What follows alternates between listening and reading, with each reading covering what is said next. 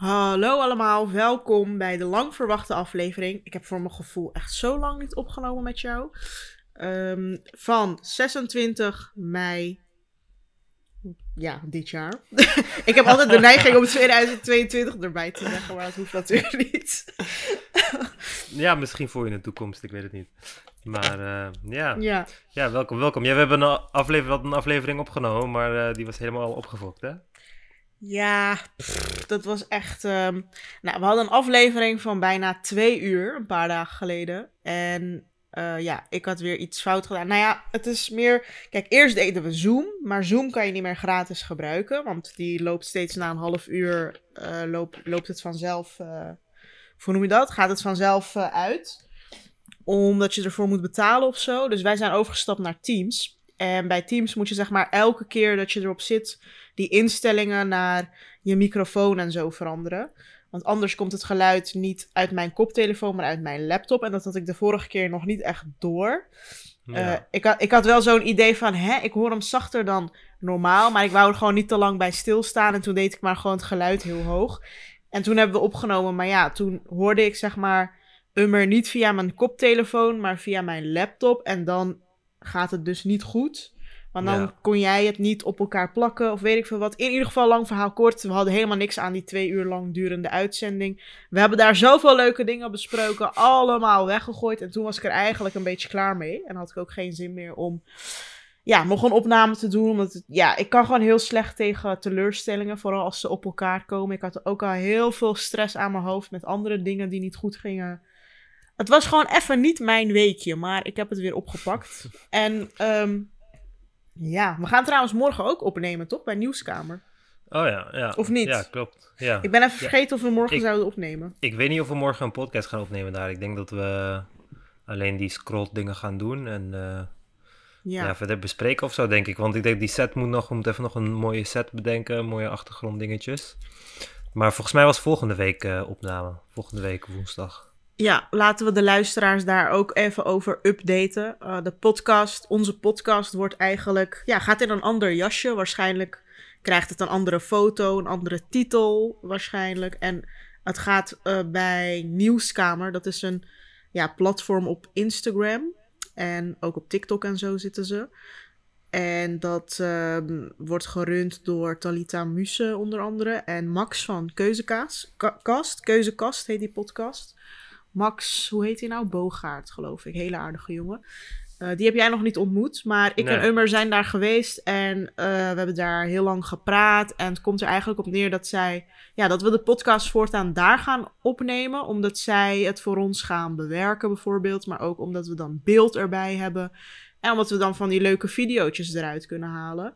Um, de vorige keer zaten we ergens anders. Dat was niet Nieuwskamer. En dan bedoel ik de videopodcast die we hadden van de vorige keer.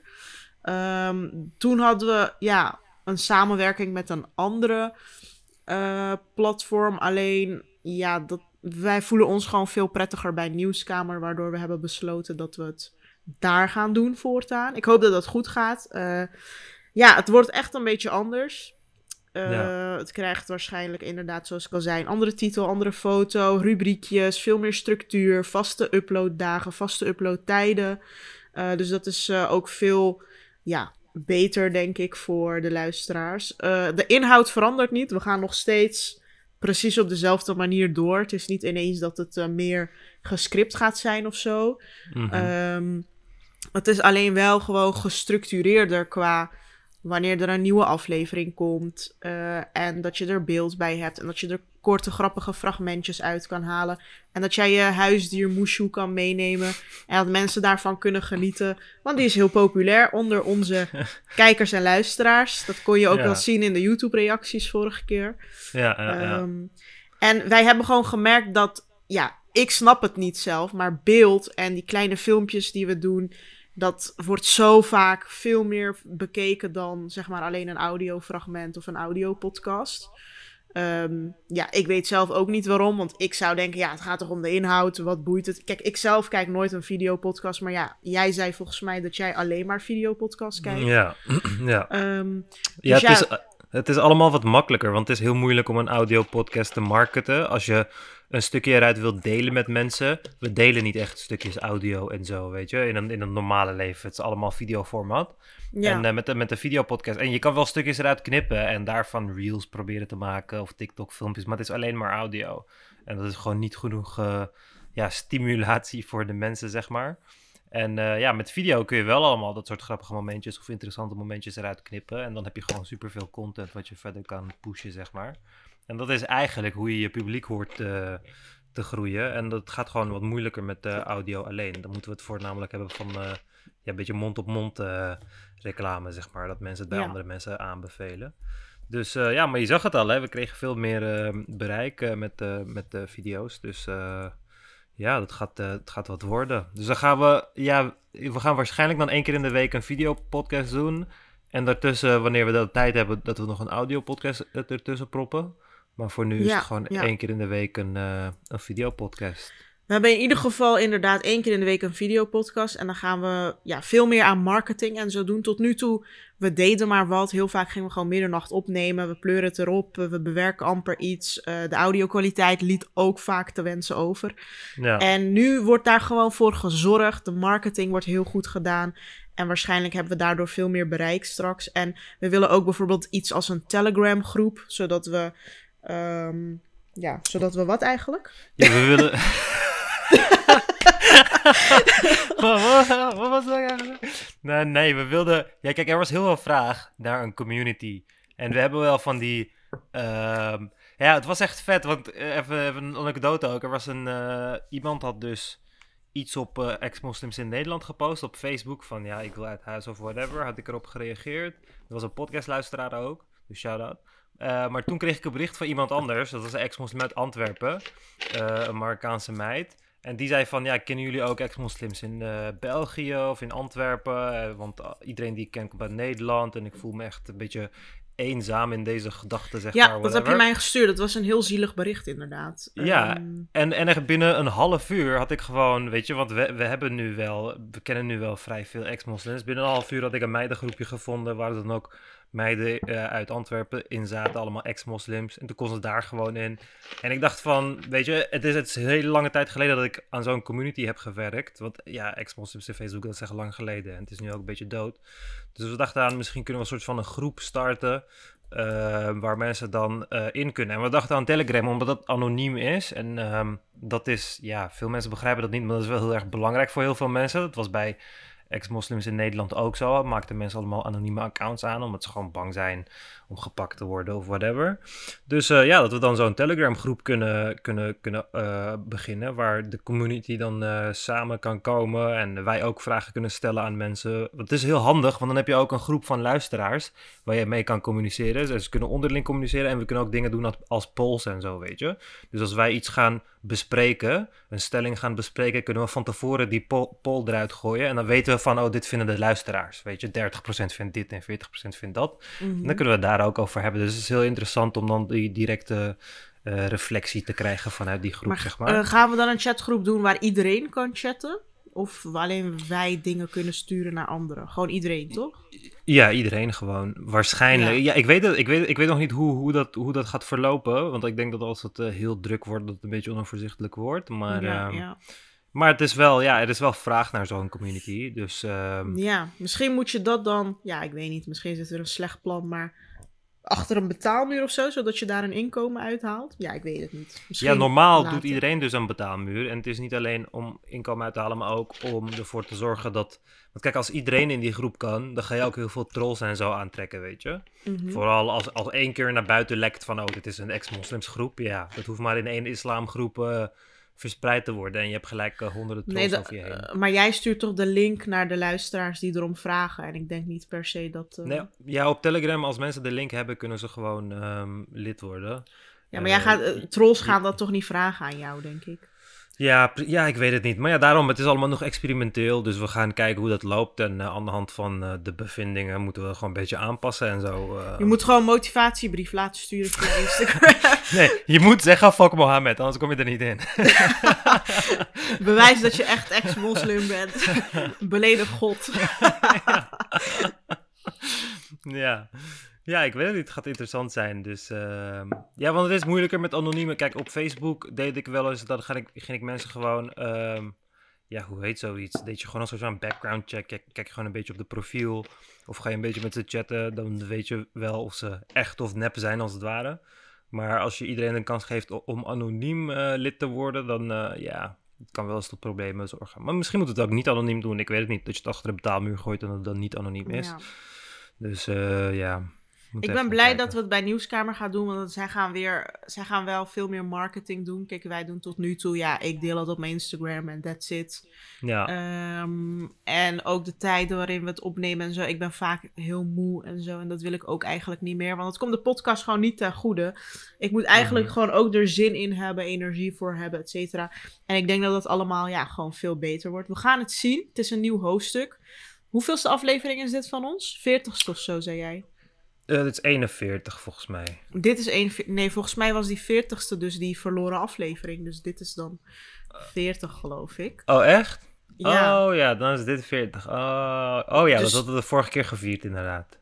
Ja, dus in de vorige podcast die we dus hebben weggooid, hadden we het over dat, we, dat het een jubileum is, 40ste aflevering. Hoera! En ja, het is dan ook wel leuk dat de 41, ja, vanaf de 40ste aflevering dus um, ja, veel meer structuur en zo. Maar goed, oké, dat is nu wel duidelijk. Ja. Um, ja, dat gaan we vanzelf zien of dat uh, goed komt. En ja, hoe gaat het verder met je? de laatste keer dat je me dat vroeg, hebben we 40 minuten gepraat in de, in de aflevering en kwamen we niet bij alle onderwerpen. Maar ja, oh, het gaat goed. Ik hou het eh, deze keer kort. Het gaat goed. je wilt er gewoon niet op ingaan, oké. Nee, ja, het gaat wel goed. Ja. Uh, Weet je wat het ook is? Omdat we dus de vorige keer twee uur hebben gepraat over allemaal dingen, heb ik nu geen zin om er weer over te praten. Dus ik heb nu andere onderwerpen. Maar eigenlijk is het wel jammer, want de luisteraars hebben niet uh, dat allemaal geluisterd. Maar ja. Ja. Nou, dan zeg ik ook wel hoe het gaat. Met mij gaat ook goed. Uh, het is mijn laatste week als Amsterdammer. Dat vind ik wel spannend. Ik ga dus uh, eindelijk echt, echt, echt verhuizen. Ik ben natuurlijk al maanden aan het verbouwen. En, en, er ging van alles fout. Dingen werden laat geleverd. Ik had een lekkage. Ik had een kapotte cv. Maar het is nu zover. Uh, ik ga gewoon echt verhuizen. En naar een andere stad. Dus dat is gewoon heel spannend. Ja. Ja, ik zal nog steeds heel vaak in Amsterdam zijn. Dus het voelt niet per se als een afscheid. Ja. En um, ik kreeg dus ook een bericht van ene Jona dat ik iets moest rectificeren. Want wij hadden vorige keer iets over hem gezegd. Namelijk dat hij uh, die Raisa had bedreigd of zo. Wij? Sorry hoor, maar het was all you. Oh, nou, ik, had het over gezegd. Hem gezegd. ik ben, ik ben alleen zijn bericht kwijt. Ik weet even zijn naam niet meer. Moet ik even terugzoeken. Maar ja, uh, dat ga ik nu live doen. En dat is niet echt handig. Oké, ik zoek het zo meteen. Uh, dat gaan we dus uh, rectificeren, want hij uh, heeft heel veel shit over zich heen gekregen. Niet door onze podcast, maar überhaupt op Twitter en zo. Vanwege, ja, om de, omdat hij een soort van bedreiging had geuit. Tenminste, zo heb, heb ik het geïnterpreteerd. Maar dat was dus niet zo bedoeld. Het was een grapje en hij wou dat, uh, dat ik dat ging rectificeren in de podcast. Dus dat ga ik ook doen. Ik ben alleen zijn berichtje kwijt. Even kijken. Nee, hij zei, hij zei van dat jij onder andere ook. Dat, hij, dat jij had gezegd dat hij zei. Dat zij onder andere ook een vijand voor de samenleving was. En dat zou hij nooit hebben gezegd. Hij oh ja, kijk, uh... ik heb zo'n bericht. Beste Lale, ik hoor dat jullie het over mij gehad hebben. Uh, die tweet was satirisch, maar natuurlijk hartstikke lomp, gezien de caption. Ik luister vaker naar je podcast, dus schrok natuurlijk wel toen ik onderwerp van gesprek was. Oh, dat vind ik wel uh, erg. Echter zeg je dat ik Raisa een gevaar voor de rechtsstaat vind. Dit heb ik dus nooit gezegd. Het was slechts een domme tweet die helemaal geen betekenis had. Vind die insinuatie wel zorgelijk, zou je dit recht kunnen zetten? Natuurlijk, hierbij, dat heeft hij dus nooit gezegd. Ik heb het uh, wel gezien, maar dat was dan een andere tweet die dat over haar zei. Maar ik heb dat natuurlijk door onzorgvuldigheid, heb ik dat zo op, op één hoop gegooid. Ja. En dat moet ik voortaan niet doen. Ja. Volgend onderwerp. De Russen mochten niet meedoen met de Eurovisie Songfestival. Heb jij iets met het Songfestival? Dat was bij ons thuis vroeger was het eigenlijk een soort van het enige beetje muziek dat we meekregen. Maar dat was het enige muziek, de enige muziek dat we mochten zien op tv. Dus dat volgden we dan elk jaar. En maar Turkije uh... deed vroeger mee en ze doen niet meer mee. Waarom? Oh, doen ze niet meer mee? Oh. Nee, ze doen al jaren niet meer mee met Eurovisie. Ja, ja, ehm, ja. Ja, ik heb geen idee. Het boeit me eigenlijk ook echt. Ja, maar het geeft wel een boodschap. kijk, Eurovisie is echt iets. Uh, Eurovision is gewoon iets Europees. Iedereen vindt het helemaal geweldig. En Turkije doet echt al jaren niet mee. De laatste keer was volgens mij Hadise. Uh, met Dumtek Tek. Weet je die nog? Was dat niet manga? Oh ja, die was ook inderdaad daarna. Uh, ja, ik weet. Ik... Daarna niet meer. Ja, ik weet het niet. Ik weet het niet. Maar eh, vinden mensen Eurovisie nog... Is dat niet echt het oude mensen dingetje? Vinden jongeren dat interessant? Ik zeg eerlijk, vroeger was ik wel fan. Ik was echt gekluisterd aan de tv. Nu vind ik het gewoon niet echt meer interessant. Ik denk, ja, ik hoor later wel wie er heeft gewonnen.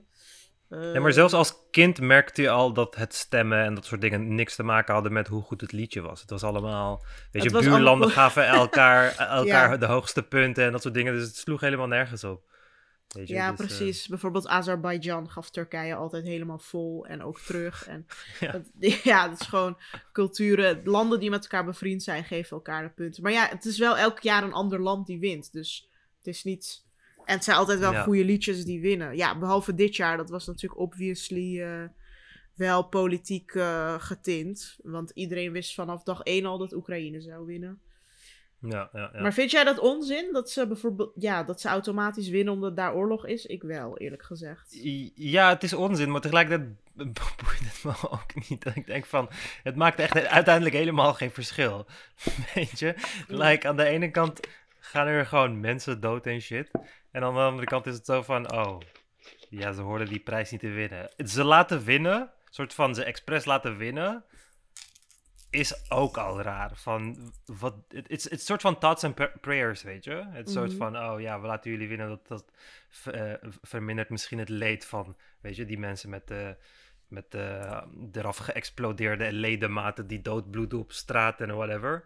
Weet je, laten we het, de, ja, de pijn daarmee een beetje verzachten of zo. Want het, het, is zo, het is zo onserieus. Like, het, het feit dat er alleen maar, dat er alleen al over gesproken wordt, vind ik al ik wil dat iemand voor ons onderzoekt waarom Turkije niet meedoet. Uh, dat vraag ik me gewoon oprecht af.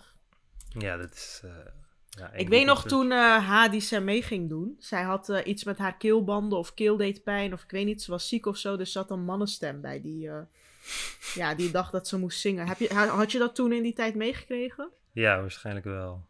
Toen ja, en, toch, ja, die had ik meegekregen. En ze was dus aangekomen. Op de een of andere manier vond men dat zij hele dikke benen had. Dus er ging zo'n hele meme rond op internet van Roberto Carlos benen en weet ik veel wat.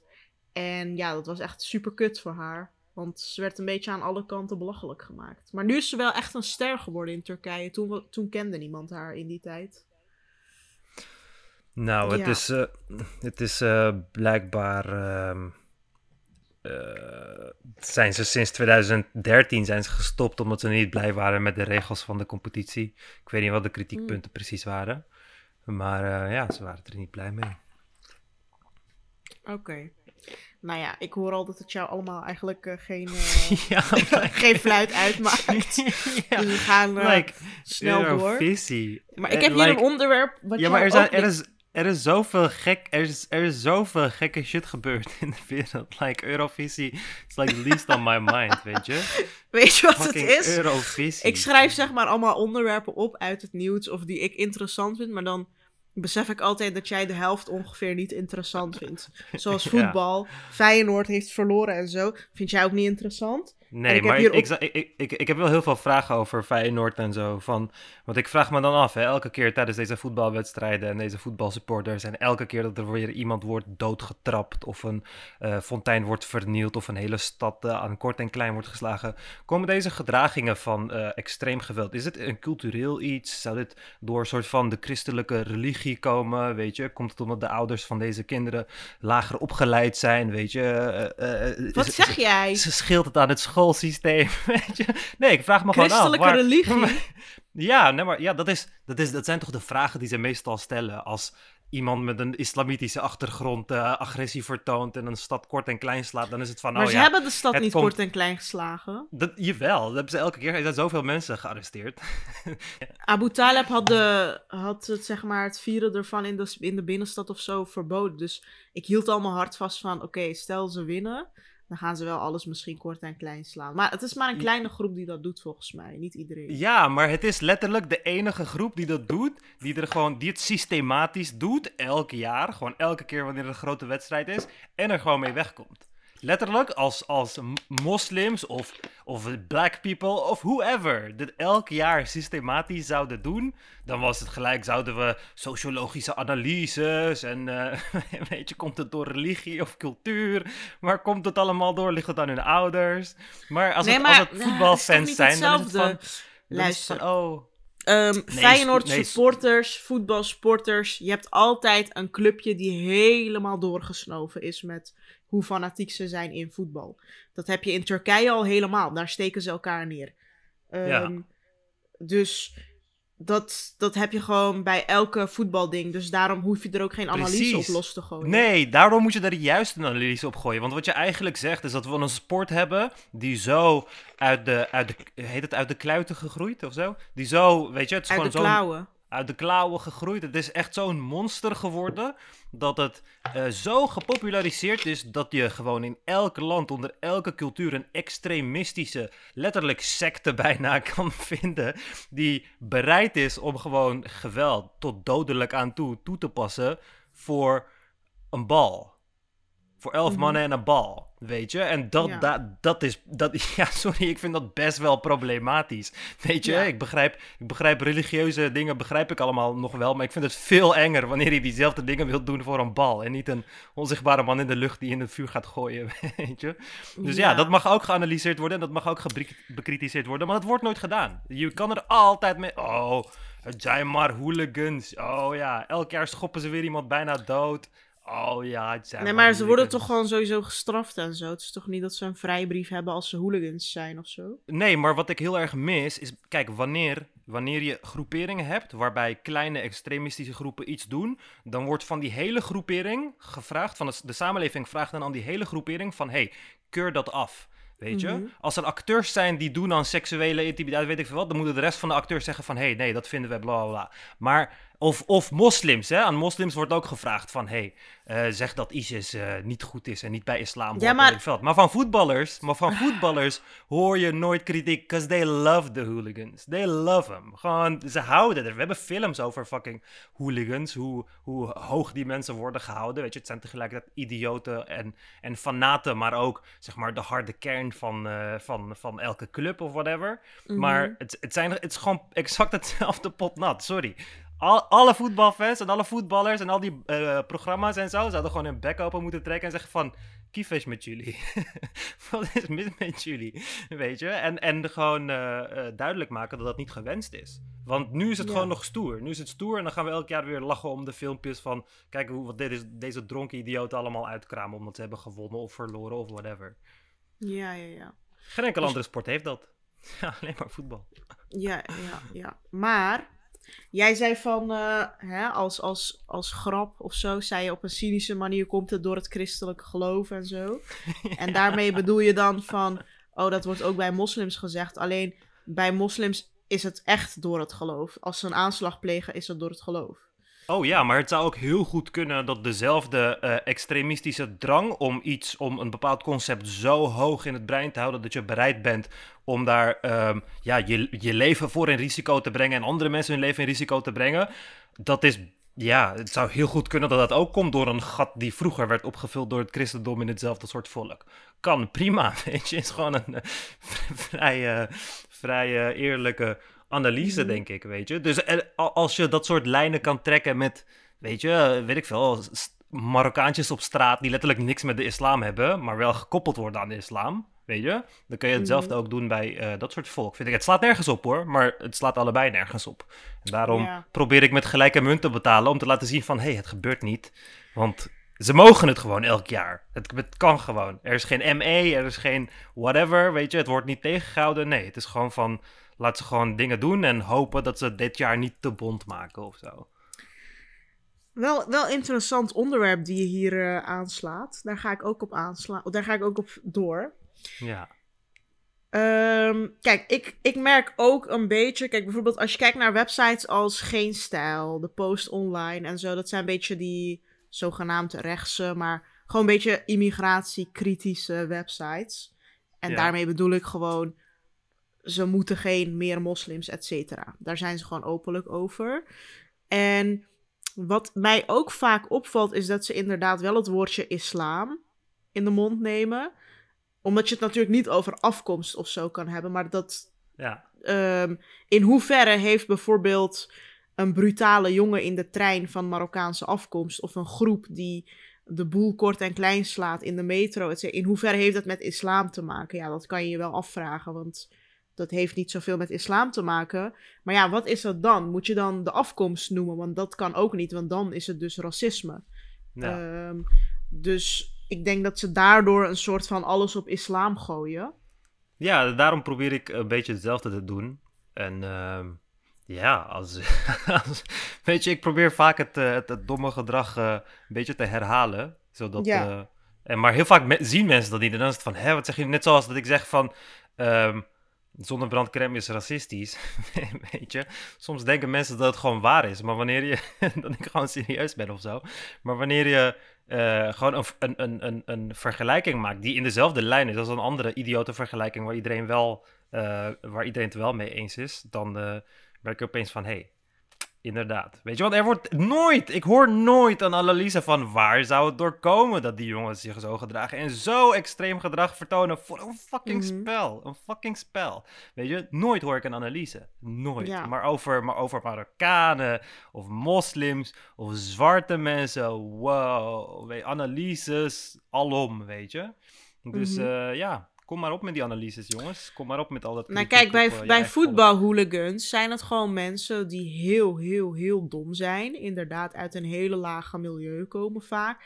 En hun zingeving voor het leven vinden in een sport en daar heel erg in radicaliseren.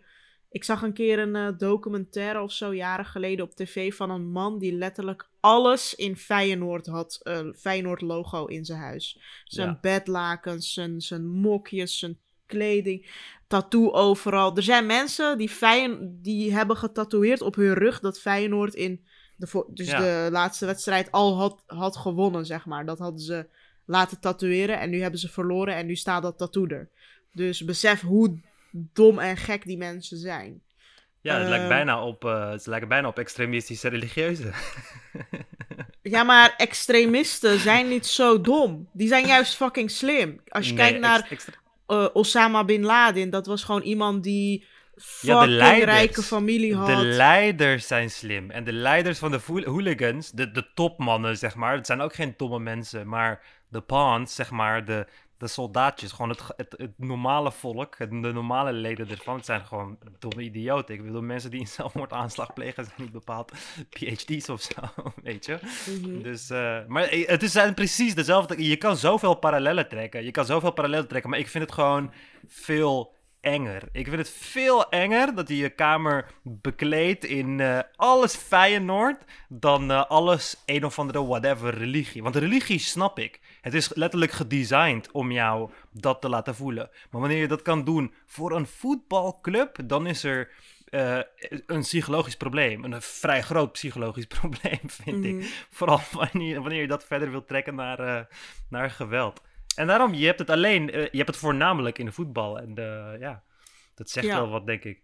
Hé, hey, maar ik heb een vraagje. Je hebt zeg maar die websites die ik net noemde, die kritisch zijn op de islam en zo, maar ook kritisch op ja, gewoon brutale jeugd, hoe je het ook wil noemen, Poont en zo. Die zit vol met filmpjes waar Marokkaanse jeugd stenen gooien naar de bus en weet ik veel wat in.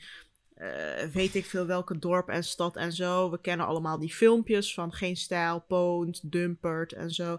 En we zien het ook op straat. Um, ik ben de laatste tijd heel vaak in de trein, omdat ik uh, dus aan het verhuizen ben naar een andere stad en zo. En ik zie het zelf ook. En ik was een keer met Tim en hij zou echt bijna vechten. En dat waren dus ook toen Marokkanen. En op de een of andere manier um, een deel van die jeugd heeft gewoon iets wat totaal geen schaamte kent of zo in de trein. Uh, er was bijvoorbeeld een groep jongens die waren gewoon met hun benen zo tegen het raam aan aan het liggen. Of hoe noem je dat? Zeg maar, ze waren aan het liggen op die treinstoelen. En hun benen hadden ze zo over elkaar eh, tegen het raam of tegen de muur. En ze waren super hard aan het schreeuwen, schelden, weet ik veel wat tegen elkaar. Heel hard lachen en zo. En meisjes hetzelfde. We, hadden een keer een groepje meisjes. Paar met hoofddoek, paar zonder. En je hoort ineens de, het gebedsoproep uit een van die telefoons van hun. Maar echt loeihard, echt loeihard. En Tim zit naast mij en hij irriteert zich eraan. Dus hij zegt van, ja kom op, zet het wat zachter of zo. Zoiets zei hij. En toen zei ze van, hè? Je, je bent kapot respectloos en weet ik veel wat. Weet je hoe belangrijk dit is? Dit is heilig voor ons. We mogen het niet uitzetten en zo. En toen ging ze een hele grote mond zetten. En Tim werd helemaal gek. Hij zei van, je ziet toch dat je in een coupé zit met mensen. We willen dat niet horen. Zet het uit. En ze ging het maar niet uitzetten. Pas na echt uh, vijf minuten lang discussie. Uh, zei ze van, uh, ja, zomaar respectloze mensen en zo. En ik denk van, wat gaat er mis bij die mensen? Het zijn jonge mensen die gewoon totaal maar echt totaal geen opvoeding hebben gehad of zo. Op de een of andere manier. Maar ik weet zeker dat ze gewoon goed opgevoed worden. Maar dat ze zelf gewoon buitenshuis zich zo gedragen. Ja, ik, denk niet dat ze goed opgevoed worden. Maar ik zie, kijk, de, al het gedrag wat jij noemt, ik zie dat niet als een Marokkanen of whatever probleem. Want maar ik zie het gedrag... nooit bij Turken, dus ja, ik weet het niet. Jawel, je ziet het bij Turken. Je kan het, jongen, maakt dat, als je naar de Bijlmer gaat, ga je dat gedrag van, uh, ga je dat gedrag bij zwarte mensen zien. Ga je naar fucking West of Oost of whatever, ga je het van Marokkanen of van Turken zien. Allemaal luid, uh, luidkeels uh, in de... Of dan ga je naar een of andere, weet ik veel, plek waar je met Nederlanders wonen, dan zie je het ook bij Nederlanders. En ja, uh, sowieso. dezelfde mensen die ook heel asociaal zijn in het openbaar vervoer. Zijn onder andere ook uh, voetbalfanaten, uh, weet je. Die dan ook met z'n allen heel luid heilige, heilige liedjes gaan zingen. Ja, maar ik heb het alleen over de Amsterdamse context. En dan valt het gewoon keer op keer Ja, op. omdat je in Amsterdam gewoon veel meer... In, je hebt ook meer buitenlanders dan Nederlanders in Amsterdam, toch? Dus het is ook vrij, ja. vrij logisch dat je, dat, dat, dat je meer opvalt. En ja, opvoeding is gewoon kwalitatief veel minder. En opnieuw ligt dat dus veel meer aan dingen zoals opvoeding dan whatever cultuur of religie of weet ik veel wat. En, maar dat wordt er wel altijd bij, bijgehaald, weet je. Want ja, Nederlanders die doen dat nooit. ja.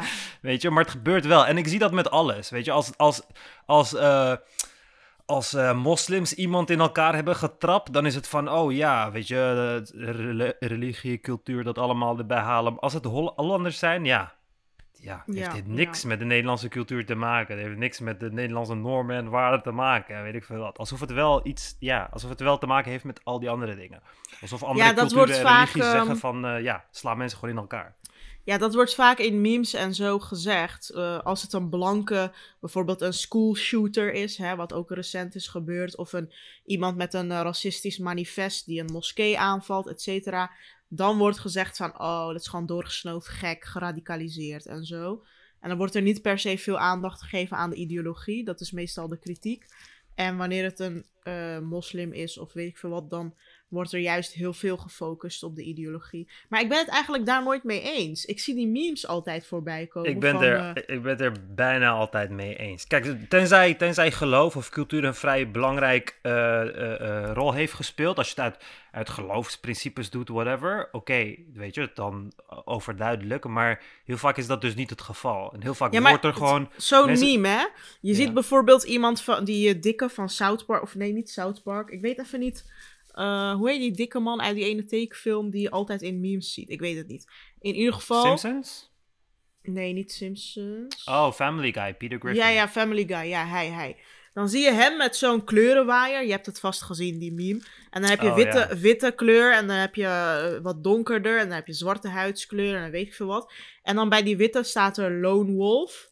En bij die andere kleuren staat er van. Uh, extremist of weet ik veel wat. Ik, ik ben die meme even kwijt. Maar um, ik, weet, ik zie dat nooit. Kijk, als er een racistische uh, iemand een moskee aanvalt of weet ik veel wat, of een schoolshooter, of weet ik, iemand met een manifest, zeg maar, net als die Andreas Breivik en zo, mm -hmm. dan wordt ook gewoon de ideologie er, erbij gehaald in ja, de podcast die ik luister, in krantenartikelen. Ja, in, in, in, Nederland, in, in Nederland of in Europa speelt dat veel minder. Wij, wij hebben het soms ook wel, maar het speelt veel minder. Maar in Amerika is dat gewoon de realiteit. Want je hebt daar, ik bedoel, ongehoord Nederland is niks vergeleken met de shit that, that's on TV in Amerika. Weet je, je hebt daar mhm. mensen als Tucker Carlson, whatever, die gewoon elke uh, white terrorism act gewoon zoveel mogelijk probeert te downplayen. En dat is hetzelfde nu met deze school shooting. Rechts heeft nu verzonnen dat die persoon die die school, die die basisschool over heeft, over, eh, overhoop heeft geschoten, die transgender zou zijn geweest. Weet je, is al bullshit. Het is letterlijk gewoon verzonnen door iemand op 4chan. Maar dat is dan wat ze, wat ze ernaar pushen. En dat is gewoon omdat jij een reden zoekt als mens. Je zoekt gewoon een makkelijke, simpele reden. Iets waar je de blame aan kan zetten, zeg maar. Van oké, het komt puur en alleen door dit. Maar eigenlijk weten we diep van binnen waardoor het komt. En het zijn, het zijn niet zulke lekkere antwoorden als... oh, hij was transgender of moslim of dit en dat. Het zijn niet zulke simpele antwoorden, weet je. Het zijn veel diepere dingen als, als opvoeding... en het feit dat je schoolsysteem is gefaald... of dat je public healthcare non-existing is... dat er nul mental health uh, Ja, tuurlijk. Het is sowieso niet dat het in je genen zit... omdat je van een bepaalde afkomst bent of zo. Dat is het sowieso niet. Het is natuurlijk ook... Ehm, hoe hoger je socio-economic class en hoe beter je je gaat gedragen meestal als, als jeugd of weet ik veel wat. Dus dat, dat is denk ik wel logisch, toch? Dus ja, als jij, dat, ja, we als jij dat allemaal. Als jij opgevoed bent met negen broers en zussen in een eh, huis van 50 vierkante meter zonder geld, zonder ouders die jou aandacht geven of genoeg aandacht geven, et cetera, ouders die onwetend zijn en zo, ja, dan, dan word je misschien zo.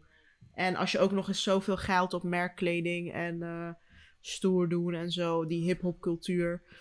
Ja, kijk, we, we, weten, we weten, het is echt iets wat we weten, maar vergeten dat we weten, we weten dat allemaal, maar toch vergeten we dat in soort van dagelijkse, uh, in je dagelijkse cognitie, weet je. Want zodra het iemand betreft uh, uit een groep of cultuur of whatever waar jij heel erg bekend mee bent, dan heb je die informatie. En dan is het ook vrij duidelijk van, oh, daar ligt het niet aan, want ik ben ook daarin opgegroeid en ik ben niet zo. Dus het zal wel aan andere dingen liggen. Maar zodra je het hebt over groeperingen die buiten jouw groep liggen, dan is het van, ja, maar bij Marokkanen of ja, maar bij Surinamers, ja, dan is het zo en zo. En dan krijg je er weer dat van, weet je. Dus dan wordt het veel simplistischer gebracht. En ik wil gewoon liever dat, dat als je dat gaat doen naar groepen buiten jou, dan is het ook heel belangrijk om dat te doen met je eigen groep. Dat is waar je altijd hoort te beginnen. Weet je, ik bedoel, als Nederlander mag je gewoon kritiek uiten op alle Nederlanders en zo. En laat de allochtonen gewoon over aan ons of zo.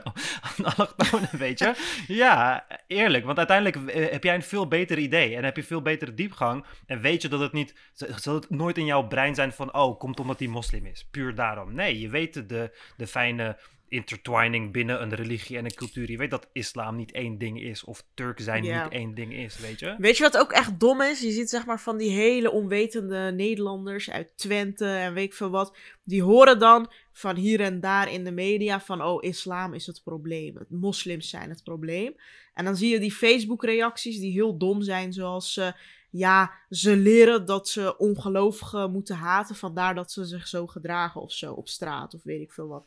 Maar ja. het heeft vrij weinig te maken met dat ze dat leren op een moskee of zo. Je, je zou nooit op een moskee of weet ik veel leren van je moet Nederlanders overvallen of, uh, ja, of Die ouders doen het niet. ja, je, die ouders zijn over het algemeen vrij aardig. Ja, precies. Dus dat, dat heeft dus helemaal niks met islam te maken. Maar al die dingen worden verward door Nederlanders die onwetend zijn of die het allemaal niet begrijpen of te ingewikkeld vinden. Um, maar zowel die ouders als de moskee of de gemeenschap keurt dat gedrag ook af. Alleen, um, ja, op de een of andere manier doen ze het wel. Uh, het, is, het, is alleen, het heeft gewoon niks met religie te maken. Uh, ik zou nog wat zeggen, maar ik ben het vergeten. Ja. ja. Ja, dus, kijk, religie en dat soort dingen, het kan een katalysator zijn. Maar in, in, de, in het begin, kijk, iemand die heel erg, om terug te gaan naar Feyenoord fans, bijvoorbeeld iemand die heel erg extremist wordt in Feyenoord, kan extremist worden in alles. Mhm. En het is maar wat je in zijn schoot werpt. Als die persoon opeens bekeerd raakt, zit het ook in een, om een extremistische moslim te worden, weet je. Het is gewoon, je, je probeert een bepaalde gaten op te vullen in jouw persoon. Dat komt dan door shit uit jouw jeugd of whatever, waardoor je te hard vastklampt aan iets. En dat kan uh, Elton John fan zijn, of Feyenoord supporter, of uh, Boeddha aanbidder, of Mohammed Pijper, of whatever. Weet je, het kan allemaal. Maar het, het, is, het is dezelfde drang van de mens om gewoon heel extreem vast te houden aan iets, weet je. En dat komt gewoon door bepaalde tekortkomingen. hey, maar over die schoolshootings en ongehoord Nederland. Uh, ik had jou een tweet van Jernas Ramautar Singh gestuurd. Ja, en de oh reactie van uh, Sander Schimmelpenning. En toen uh, wond jij gelijk op. Ik kreeg, ik kreeg gelijk zes memo's van je. ja, even die tweet. Wat zei hij? Het was zo'n dom argument. Jezus. Hij zei nou, iets hij van... Zei, ehm, al, als massamoorden een argument tegen wapenbezit zijn, dan is het bestaan van verkrachtingen dus een argument om seks te verbieden. Dat is zo'n dom. Like, hoe. Uh, oh, oh, Jezus Christus, man. Hoe, Besef dat hoe... Jernas ook zwart is, hè? Ja, maar Jernas is echt een idioot. Ik ken deze man al. Ik, ik heb hem al wat, wat zes, zeven jaar horen praten. Het is echt een idioot. Maar ik snap gewoon niet, sorry, dit snap ik niet. Um, hij is zelf zwart. Er worden structureel zwarte. Want die schoolshootings gaat gewoon ook om zwarte kinderen. Nee, dit waren Latino. Het was een Latino school. Oh, ik dacht zwart, maar oké. Ehm, in ieder geval, ook zwarte kinderen zijn daar elke keer structureel de dupe van door racisme. En dan ga je dat lopen verdedigen. Waarom? Ik snap dat echt niet. Ja, ja, ja, hij is ook Hindoestaan waarschijnlijk. Dus hij werd waarschijnlijk zelf ook gediscrimineerd en zo. Dus dan gaat hij dat gebruiken. Maar ja, ik, ik vind het gewoon een... Kijk, als je zegt... Hij zegt er zijn te veel massamoorden, dus je wilt wapens uh, verbieden. Of je wilt, uh, je wilt iets doen tegen wapenbezit. Je wilt wapenbezit verminderen. Dat vindt hij onlogisch, want als er veel verkrachtingen zijn, dan ga je seks ook niet verbieden. Weet je? Maar mm -hmm. het ene, een wapenbezit, het is een technologie beste Jernas. Het zorgt ervoor dat jij als één persoon honderden mensen kan neermaaien. Als er een of andere machine bestond waarmee jij eh, de kamer binnen kan lopen en je drukt op een knop en 50 vrouwen worden verkracht, dan zouden we die machine ook verbieden om verkrachtingen te verminderen, beste Jernas. Dat zou een, een logische vergelijking zijn. Maar je vergelijkt een biologisch fenomeen, verkrachten, wat je maar met één persoon, weet je, als je, als je heel goed bent, misschien met meerdere personen tegelijk kan verkrachten tegelijkertijd.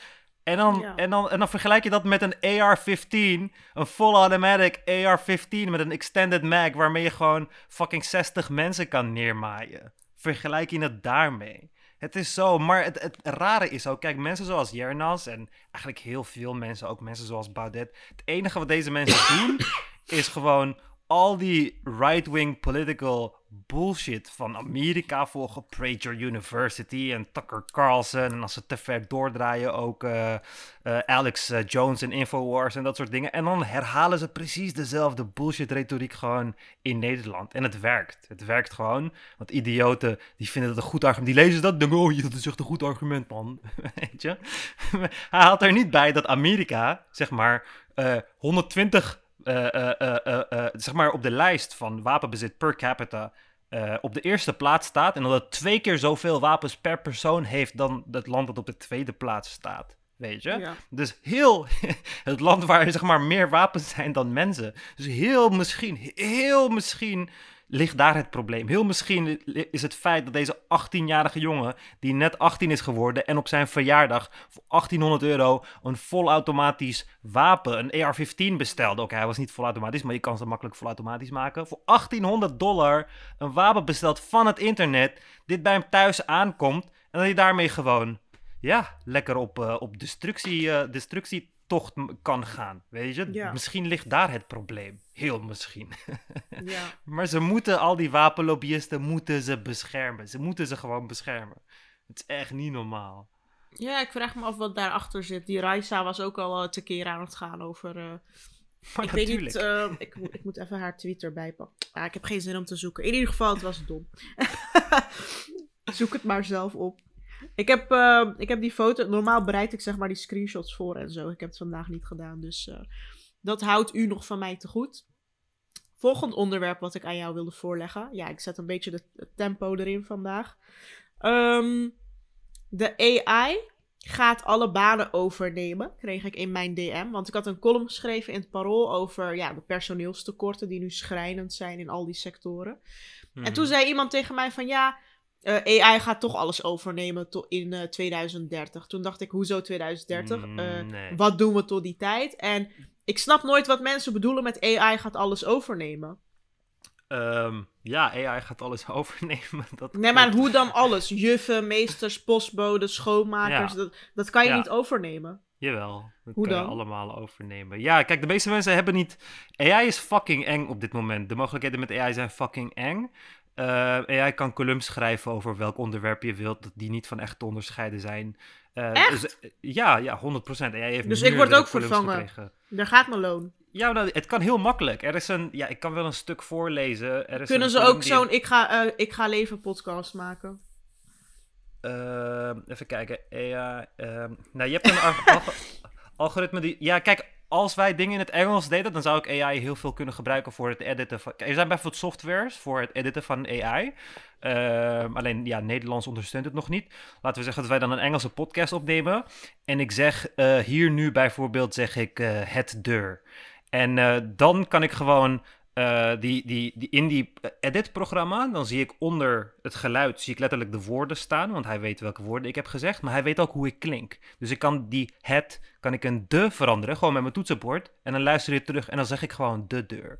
Weet je, want hij heeft me, mijn stem geleerd, dus hij weet welke klank ik kan maken, dus hij kan mijn stem alle, ja, dus je kan stemmen overnemen en allemaal dat soort dingen. Dus dat, dat maakt heel veel dingen veel Wij makkelijker. gaan in zo'n enge wereld leven binnen een paar jaar. Ja, maar tegelijkertijd zijn er ook heel veel dingen die heel moeilijk te, te automatiseren zijn. Kijk, dingen die heel moeilijk voor ons zijn, zijn heel makkelijk te automatiseren. Maar dingen die heel makkelijk voor ons zijn, kijk, bijvoorbeeld interacten met de fysieke wereld is heel erg moeilijk. Bijvoorbeeld eh, je afwas oprapen en vouwen en in de kast eh, wegzetten is vele malen moeilijker dan een AI trainen die, ehm, die, beter, eh, die beter is in recht dan een advocaat die perfect eh, bijvoorbeeld de rechtszaken kan, kan eh, eh, ehm, ehm, ja, hoe heet Dus het, Argu- argumenten dat is mijn en dat punt. soort dingen. Ja, maar dat is dus mijn punt. AI gaat niet alles overnemen, want AI kan niet voor de klas staan of je post Jawel, dat bezorgen kan, of... jawel, AI kan dat dus wel. Het kan het, kan het wel, alleen die, die dingen, er is niks, er is niks, letterlijk niks, wat de mens ehm, kan, wat AI niet zou kunnen, wat technologisch niet haalbaar zou zijn. Gewoon echt helemaal niks. Letterlijk niks. Alleen sommige dingen zijn moeilijker dan andere dingen. En ehm, de dingen die makkelijk zijn, ja, die zullen als eerst geautomatiseerd worden, zoals, nu, zoals nu al gebeurt. Alleen eh, de andere dingen, ja, dat zal wat langer duren. En natuurlijk zal het automatiseren van dingen ook zorgen voor weer andere banen in andere velden. Maar eh, ja, het gaat wel gebeuren. Oké, en daar is gewoon eh, niks tegen te doen eigenlijk. Dat moet je Nee, gewoon over je heen laten Nee, maar dat, dat is ook de toekomst waar we naartoe gaan. Ik bedoel, kijk, uiteindelijk, als je. Als maar we voor, niet, voor wat zeggen ze dan? We moeten immigranten halen of de... Lo omdat ja. het nog heel lang duurt. Het is niet 2030, het zal nog heel lang duren. Wij. eh, wij Oh, gelukkig. Dan zijn denk- wij alweer dood. Ja, ik denk tegen de tijd dat wij zo'n 80 jaar zijn of zo, dan is wel al heel veel geautomatiseerd, maar er zullen waarschijnlijk nog wel genoeg banen overblijven. Maar kijk, e- eigenlijk is het dus dat als je dezelfde technologische vooruitgang voortzet en we doen niet iets doms zoals onszelf doodmaken of de, de natuur vernietigen, waardoor wij ook doodgaan of whatever, dan kom je bij een punt waarbij, ehm, want zodra je AI inzet voor bijvoorbeeld wetenschappelijk onderzoek en dat soort dingen, kun je heel veel problemen zou je kunnen oplossen. Dus wanneer je dan bijvoorbeeld koude fusie hebt uitgevonden, dat is een soort van energieproductie, waarbij je in principe gratis energie zou kunnen produceren, als je het op, op schaal zou doen, dan is energie gratis. En dan heb je verder alles geautomatiseerd, dus dan is grondstoffen delven is gratis, transport van grondstoffen is gratis, het bouwen van fabrieken is gratis, transport is gratis, want energie en arbeid zijn beide gratis, als het ware. Je robots bouwt die robots, whatever. Dan kom je uiteindelijk in de toekomst waar er geen werk is. Je hebt alles en alles is gratis. Er is geen werk voor de mens, want alles is er. En dan eh, kom je tot soort van een existentiële crisis van wat moet de mens dan doen zonder werk? Totdat je realiseert dat we eigenlijk voor het langste deel van onze geschiedenis niet werkten. En dat je gewoon mens moet zijn en moet leven en zo. En dat is uiteindelijk eh, ehm, waar we naartoe gaan. En het klinkt allemaal heel eh, gek en ongeloofwaardig. Maar als we onszelf niet killen, bestaat er geen andere toekomst eh, om naartoe te gaan dan zo'n toekomst. Want alle dingen als waarde en geld, en geld kan niet bestaan voor altijd. Het kan gewoon niet. De waarde betekent letterlijk niks. Weet je, het maakt dat waar je waarde aan wil koppelen, aan goud, aan dia- diamant. Er zijn planeten die bijna volledig uit diamant bestaan. Weet je, er zijn kometen die, die de aarde omcirkelen, die, eh, die tot twintig keer de wereldeconomie aan eh, kostbare metalen eh, bevatten.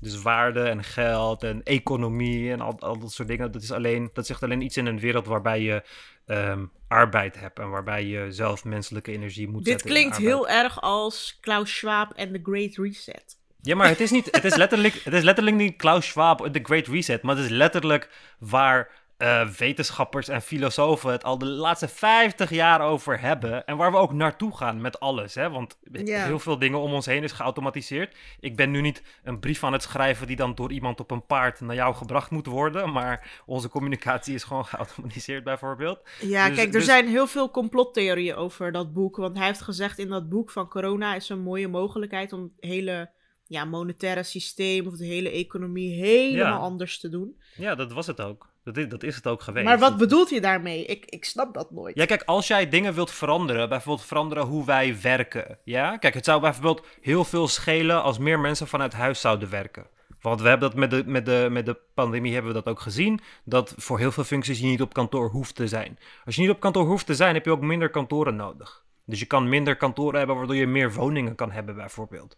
En daardoor kun je, eh, je kan functies schrappen en functies erbij krijgen. Weet je, een manager is opeens uh, veel minder werk, dus die hoeft ook veel minder te verdienen of whatever. Dus je kan schoolsysteem kun je veranderen. Want nu, uh, nu gaat iedereen naar school, dus dan is er niet bijvoorbeeld echt initiatief, financieel, uh, is er geen financieel motief om e-learning, om daar miljarden in te pompen of zo. Maar als het een pandemie is, dan is er juist heel veel financieel incentive om dat te doen, want de kans dat het wordt geadopteerd is vele malen groter. Dus omdat iets Maar dan is het juist goed dat we een pandemie hebben. Nee, het is, niet, het, het, is niet, het is niet... Kijk, dat is, dat is hoe mensen het bekijken. Maar het is letterlijk, er gebeurt iets fucked ups. En dan ga je kijken van, hoe kunnen we hier iets goeds uit doen? Weet je? Mhm. Het is, het is letterlijk als er is een pandemie en ik bedenk bij mezelf hoe kan ik hier het beste uithalen. En ik schrijf een boek over hoe je in de pandemie uh, een, een, eh, een existentiële verandering in je leven kan brengen door nieuwe hobby's te zoeken en naar andere mogelijkheden te kijken. En dat mensen dan tegen jou zeggen van kijk, hij heeft de pandemie gestart om aan verschillende hobby's te doen, maar je begrijpt het niet. Je begrijpt het dan niet, weet je. Ja. Je bent dan zo erg paranoïde en in paniek dat je gewoon niet begrijpt. Maar hij voert letterlijk een argument wat voor hem, het is niet zijn argument. Weet je? Het is, ja, maar er is een verschil tussen Ömer Oejar, die een boek schrijft, en uh, het World Economic Forum. Die ja, maar deze dingen, deze dingen worden al 50 jaar besproken. Echt overal, weet je? Dus in, letterlijk onze sci-fi movies gaan erover. Weet je, het is letterlijk een bekend maar, ding. Maar waar, Gaan, waar gaan we naartoe dan? Ik vraag me dat echt af. Oké, we gaan nieuwe... Geld kan niet meer, nieuw monetair systeem. Cashgeld gaat al langzaam weg. Je kan bijvoorbeeld op heel weinig plekken nog cash betalen en zo. Uh, wat, wat gaat er gebeuren? Wordt bezit bijvoorbeeld, um, wordt dat een soort abstract begrip, bezit? Of, ja, ik weet het eh, niet. Ik weet al die dingen niet. Dat zijn dingen die we naarmate de tijd gewoon met z'n allen gaan moeten oplossen. Maar kijk, het zijn, dit zijn allemaal concepten die wij uiteindelijk hebben. Het, het zijn uitvindingen die wij hebben gemaakt. Hè? Dingen zoals geld en waarde en whatever. Dus mm uiteindelijk, eh, ja, je gaat, uiteindelijk ga je daarvan af. En dan ja, ik weet niet waar dat de bands naartoe gaat brengen. Maar kijk, als je, uh, als je aan iets geks denkt als... Kijk, weet je, we nu praten over decennia in de toekomst of zo. Maar er is geen enkel toekomstvisie, laten we zeggen duizend jaar in de toekomst. Weet je, van we hebben, we gaan naar andere planeten of whatever. We hebben kolonieën of whatever. Er is, als je het vanuit een economische positie zou bekijken, er is niks waar je waarde aan kan geven, behalve menselijke dingen zoals mensen en emoties en weet ik veel wat. Maar fysieke dingen zullen geen waarde hebben, omdat jouw technologische vooruitgang dan zo erg bevorderd is dat er materialistisch gezien weinig verschil is tussen uh, water en een diamant. Het is allebei gewoon hetzelfde, want het zijn gewoon atomen. Wat de, realiteit is. Het is gewoon, het is allemaal hetzelfde. Weet je? Alleen het, het dingen kosten meer omdat er mensen aan werken. Da daarom, ja, ik jouw huis kost zoveel en het kost zoveel geld omdat mensen dat hebben in elkaar hebben moeten zetten. Maar als niemand het in elkaar hoeft te zetten en het is gewoon volkomen automatisch, dan kost jouw huis ook niks. Als jij ergens een huis zou willen op een bepaald moment, dan zou daar een huis kunnen komen. Weet je, zonder dat daar arbeid of iets anders of geld aan toe te eh, pas komt. En het is heel moeilijk om op die manier na te denken, maar ja, het is wel hoe het is zeg maar hoe de wereld altijd is geweest, behalve dan dat wij die dingen zelf gratis bouwden. Als je ergens wilde wonen, bouwde je gewoon een huis van de omgeving. Alleen in plaats van dat wij dat doen, zul je gewoon technologie hebben die dat voor jou doet. Want je hebt gewoon atomen in de omgeving en die zit je in een andere configuratie en er is een huis of een auto of een vork of whatever je nodig hebt op dat moment. Maar ja. wij zitten zo erg vast in dat denkpatroon van hè, hoe kan een glas water evenveel waard zijn als een diamanten ring. Maar het is allebei, het is allebei gewoon atomen. Weet je? Dus uh, ja, wanneer technologie ver genoeg is, dan betekent dat allemaal niks meer. Ja, en um, oké, genoeg hierover. Dat, uh, dat gaan we wel met de tijd zien. Oh, ik kan, ik kan een mooi voorbeeld geven daarover. Dat je kan zeggen van, kijk, als je 300 jaar terugging, uh, ananas, ananas, het vrucht, was vroeger uh, een koninklijke vrucht. Dus die werd alleen voor koninklijke families, werd met de boot het duurt één jaar voor één ananasplant om één ananas te produceren. Hè? Dus het is heel, het is heel intensief. Ja, net als tulpen toch? Tulpen ja, waren dus, toch ook. Uh, ja, dus die dingen werden. Er werd speciaal ijs uh, gebracht van koude plekken. werden ijsdozen gebouwd. En er werd ananas daarin gezet. Gingen ze met, met een schip gingen ze maanden over zee naar Engeland. En dan kregen mensen van adel, de koningin of zo, die kregen een ananas. En ananas was een royal fruit, zeg maar. We hebben zelfs in heel veel architectuur hebben we de stekels van ananassen en zo gebruikt omdat, omdat het een soort van aan, aan, aanbeden werd. En als je dan tegen mensen zou zeggen van, hé, maar kijk, in de toekomst heb je gewoon, hebben we technologie. Dan heb je gewoon magische kisten die gewoon voor altijd uh, uh, koud blijven. Je hebt gewoon magische boten die gewoon zelf, zonder de wind. Ze, gebruiken letterlijk geen wind. Ze, ze komen gewoon ergens aan en je kan tonnen ananas tegelijk brengen. En iedereen kan ananas kopen. Voor een euro per stuk kan je ananas kopen. mensen zouden gek worden. Zouden denken, hè? Maar hoe? En dan, als iedereen ananas kan eten dan, wat blijft er dan nog van de wereld over? Als zelfs het, het meest koninklijke vrucht voor iedereen de, toegankelijk is, weet je. Maar het is, het is de realiteit. En omdat het niet een plotselinge verandering is, dat is het nooit, weet je. Dus het gaat geleidelijk, wen je er gewoon aan En, ja. en is het, ja, echt goed. en is het niet echt gedaan, uh, is het niet echt uh, ja, eng meer of zo, weet je. Dus ja. Ja, precies. Ik denk dat ze het vroeger ook niet uh, konden voorstellen dat wij zo uh, met een video uh, een podcast zouden kunnen opnemen, bijvoorbeeld. ja, het is natuurlijk gewoon onvoorspelbaar. Ik, en ja, dat gaan we gewoon met de tijd zien. Maar hey, heb jij al last van de apenpokken? Nee, nee, ik heb. ben je er bang voor dat dat de nieuwe pandemie wordt? Oh nee, nee, nee joh. De kans is vrij klein. Het is kans is vrij klein. Maar ik probeer wel al echt uh, een aantal weken aan een pokkenvaccin te komen. Maar uh, het lukt me maar niet, want blijkbaar probeert iedereen aan een pokkenvaccin te komen. Want uh, ja, wij zijn natuurlijk allemaal nooit gevaccineerd voor pokken. We, daar, dat, dat, we zijn ermee gestopt in de jaren zeventig, omdat we pokken hadden uitgeroeid. Mm -hmm. En ja, pokkenvaccin werkt vrij goed tegen apenpokken. Dus, want je bent bang dat je het anders wel krijgt. Nee, maar ik zie, voor mij ja, ik zie mijn lichaam gewoon als videospel. En dan elke keer als ik een vaccin krijg, is het gewoon zo'n power-up, weet je. En dan heb ik gewoon, ja, ben, heb ik gewoon enhanced immunity. Alleen pokken vond ik nooit interessant. Want ik dacht, wat de fuck heb ik aan een pokkenvaccin? Want die mis ik natuurlijk. Maar uh, ja, nu met avondpokken denk ik van, hey, het zou wel handig zijn om... Uh, Jij spaart gewoon vaccins? Uh, ja, nee, ik spaar niet vaccins. Ik spaar gewoon dingen die goed voor mijn lichaam zijn, zeg maar. Oké, maar dat doe je toch ergens van voor de zekerheid, zodat ik het niet krijg?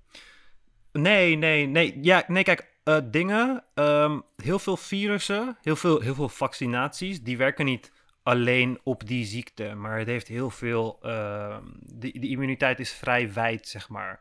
Net zoals dat het pokken je beschermt voor apenpokken, Weet je, of dat, uh, dat uh, besmet raken met MERS je, of met SARS je beschermde tegen SARS-CoV-2. Weet je, geeft het je gewoon een veel bredere bescherming voor whatever in de toekomst. En ik weet dat het verder geen kwaad kan of zo. Dus het is, ja. Ja, ik zie vaccins gewoon alsof ik een vitamine slik, man. Het is voor mij echt verder helemaal geen big deal of zo. Um, even kijken hoor. Ja, kijk, ik wou het ook hebben over needle spiking, maar daar heb je heel veel over te vertellen. En we zitten al aan het uur en dat wil ik morgen bij Nieuwskamer doen. Dus dan uh, hou ik dat even ehm, apart. Dat parkeer ik even. Ja, Rutte heeft zijn sms'jes gewist, maar daar heb jij vast niks over te zeggen. Kijk, dat soort nieuws boeit jou gewoon niet. En Hugo de Jonge die komt met een uh, puntensysteem voor voor huizen, maar dat boeit jou ook niet. Nou, ja. Ik heb gehoord. ik heb gehoord dat uh, Elon Musk een vrouw geld heeft aangeboden voor seks in een of andere podcast, maar ja, dat is verder niet echt opgepakt door de me. Oh jawel. ja, het is aan Amerika. Is, Amerika is het heel groot. Hier, hier is het niet opgepakt. Ja, ik weet er alles over. Ja. Oh, oké. Ehm, wordt hij gecanceld of zo? Of wat, wat nee, Elon Musk zal niet worden gecanceld. Nou, wat er is gebeurd is dat uh, een stewardess, een stewardess voor zijn privéjet, die uh, vertelt dus dat hij, uh, dat hij tegen haar heeft gezegd van als je massagelessen neemt, dan kan je meer verdienen. En toen heeft zij massagelessen genomen. En toen, zodat hij massages kon krijgen in zijn privéjet. En toen liet hij zijn penis zien. Was hij gewoon naakt op die tafel. En toen liet hij zijn penis zien en dat soort dingen. Dus hij verwachtte waarschijnlijk meer. Maar zij heeft toen ontslag genomen. Toen aangeklaagd. En toen hebben ze voor 250.000 gesetteld. Maar zij heeft dan een NDA ge gesigned. Dus een non-disclosure agreement. Dus dat ze niks over hem mag, kwijt mag en dat soort dingen. Dus haar vriend, haar vriendin, heeft toen het artikel gefixt. Dus dat is een beetje wankel. Maar het grappige is dus. Ah, deze Elon Musk. Elon Musk is een paar dagen, of ja, een week terug, is hij op Twitter uitgekomen als dat hij geen democraat meer is, maar republikein. En dat hij altijd op de democraten stemde, maar nu op de republikeinen gaat stemmen. En dat was, uh, ja, iedereen zag het wel aankomen, want hij werd ook steeds rechtser. Maar uh, dezelfde dag dat hij is gebeld over Dezelfde, je moet echt ophouden met je. echt, like, het voelt, ik zie, ik ben gewoon aan het praten, ik zie jou gewoon op je fucking telefoon en dan hoor ik gewoon dat je naar fucking filmpjes kijkt en zo. Like, what the fuck is dit nou weer? En dan hoort er net van, oh, ik ga meer tijd in de podcast steken en zo. Ze is gewoon op Instagram. Nee, luister. nou ja. Je gaat me niet geloven, maar ik was alvast bezig met mijn volgende punten die ik tegen jou ga zeggen. Ja, ja. En daarvoor moest ik wat opzoeken op Instagram. Ja. Maar goed, ik luister gewoon hoor. Ja. Jij denkt dat ik lieg, is echt zo. Ja, ik weet niet eens meer waar ik was. Uh... Ja, met die stewardess, et cetera. Maar ja, dat heb ik dus ook allemaal gehoord. Dus vandaar dat het... gewoon. gewoon, switchten gewoon Boku no Inuyashin gewoon. Jezus Christus. op de een of andere manier, ik weet niet waarom ik dit onderwerp heb opgeschreven, maar het boeit me eigenlijk vrij weinig, besef ik nu. Maar ik wou eigenlijk alleen weten wat de gevolgen voor hem gaan zijn. Ja, nee, dat dus. Uh, een uh, reporter belde hem, die zei van, ja, we gaan dit verhaal uh, publishen, wil je er iets over kwijt? Hij zei van, ja, there's way more to the story. Een paar uur later deed hij een tweet op Twitter, zei hij van, ik ben geen democraat meer, ik ben vanaf nu republikein, bla bla bla. En daarna zei hij, let op hoe de media mij nu gaat aanvallen. En de volgende dag verscheen het artikel, of ja, twee dagen later verscheen het artikel met die uh, verkrachting. Dus al zijn fanboys dachten van, wow, kijk, hij zei hij gaat worden aangevallen en nu is er een artikel verschenen dat hij iemand heeft verkracht en zo. Terwijl hij, voordat hij dat heeft getweet, is hij gebeld. Hij wist dat het artikel eraan kwam, zeg maar. En, uh, ja. en het is ook vrij lang geleden gebeurd.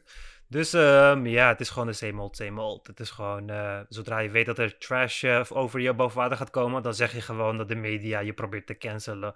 Zodat al je fanboys uh, alle, alle kritiek zeg maar negeren en het zien als politieke aanval of whatever. Maar ja, ja, Dat, dat dus. En het ging heel veel deze week over juice-kanalen en het gevaar daarvan voor de samenleving. Um, nou, je hebt het vast wel gezien. Talita Muse uh, over haar werd gezegd dat zij kook aan het snuiven was, omdat zij ja, deed alsof ze dat deed. Ze ging gewoon aan haar sleutel ruiken in de wc en ze ging ervoor zorgen dat ze gefilmd werd. Dat is uiteindelijk opgestuurd naar Yvonne Kolderweijer, die echt heel veel geld verdient met haar Juice-kanaal. Ja. Door ja, roddels te brengen over BN'ers en zo. En nu ja, heeft zij eigenlijk veel meer fans gekregen door al die media-aandacht. Dus ik snap nooit wat de bedoeling van de media is. Want ja, als je haar zoveel aandacht geeft, overal groeit ze alleen maar. Maar ja, zie jij dat ook als een gevaarlijke ontwikkeling? Dat, uh, dat er eventueel carrières of levens kapot worden gemaakt en huwelijken, terwijl het misschien niet eens waar hoeft te zijn? Um, ja, ja, maar ja, dat heb je eigenlijk altijd. Alleen uh, dit brengt het wel naar een ander level. Maar ja, er is ook niet echt een manier om het te bestrijden hoor. Want het is gewoon ja. low quality bagger. En de mensen die het consumeren weten dat het low quality bagger is. Dus zelfs als je bewijst dat het low quality bagger is, slikken mensen die bagger gewoon uh, uh, ja, met plezier. Dus, Weet je wat ik me afvraag? Kijk, je hebt altijd al dit soort roddelbladen gehad. Echt altijd al. Zelfs toen ik als uh, meisje in de bibliotheek de Tina las. Dat was een tijdschrift. Zelfs daarin werd er geroddeld van... Oeh, Selena Gomez en Justin Bieber zijn weer bij elkaar misschien. En weet ik veel wat. Dus het is iets wat altijd al gebeurt. Maar dan door bladen als Story en Privé en de paparazzi en weet ik veel wat. Het is niks nieuws. Het enige wat nieuw is dat een YouTuber het doet. Dus ik zie zeg maar nooit het verschil in van... Waarom haat je dan niet op die bladen die roddelbladen als privé en zo. Ja. Want daar zie je toch ook gewoon mensen stiekem uh, in de bosjes uh, wachten tot er een foto genomen kan worden van jou zonder make-up of met je nieuwe partner of weet ik veel. Ja, ik denk, ik denk dat het argument is dat dat, dat, dat soort bladen wel een soort van journalistieke integriteit hebben, omdat er maar journalisten dus, werken. Ik, hè, maar hoezo dan? Ja, ik denk dat de bewijslast die ze, die ze nodig hebben, zo'n tijdschrift, voordat ze iets publiceren, wat groter is dan wanneer zo'n kanaal het doet. Het is een stuk makkelijker wanneer zo'n kanaal het doet. En uh, als die filter ja, er niet is, bijna non-existent is, ja, eerlijk, ik denk de beste manier om zoiets te bespreiden is gewoon uh, uh, het laten imploden door gewoon zoveel mogelijk bullshit uh, er naartoe te sturen. Gewoon dat letterlijk heel Nederland, dat alle meiden gewoon een random persoon kiezen in de media en zeggen van, ja, hij heeft me verkracht. Of ik weet dat hij koken doet. Gewoon over iedereen, letterlijk iedereen, waardoor je zoveel bullshit hebt dat de mindere bullshit niet van de meerdere bullshit te onderscheiden is.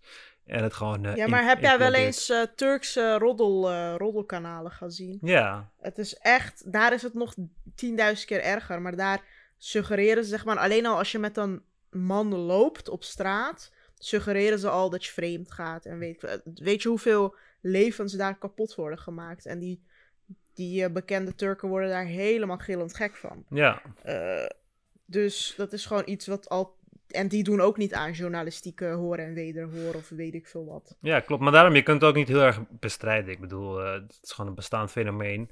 Uh, Amerika leidt er veel langer onder en daar hebben ze er ook helemaal geen reet aan kunnen doen.